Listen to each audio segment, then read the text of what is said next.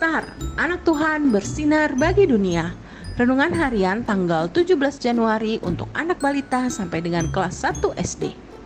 Tuhan meneguhkan dari 1 Korintus 10 ayat 13b. Sebab Allah setia dan karena itu ia tidak akan membiarkan kamu dicobai melampaui kekuatanmu.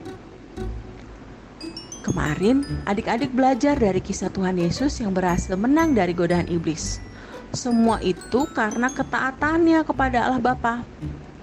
Sekarang menurut adik-adik, mana yang benar untuk berhasil menang melahan godaan? Yang pertama, waktunya belajar tapi masih ingin bermain. Maka kita tetap belajar sesuai pada waktunya.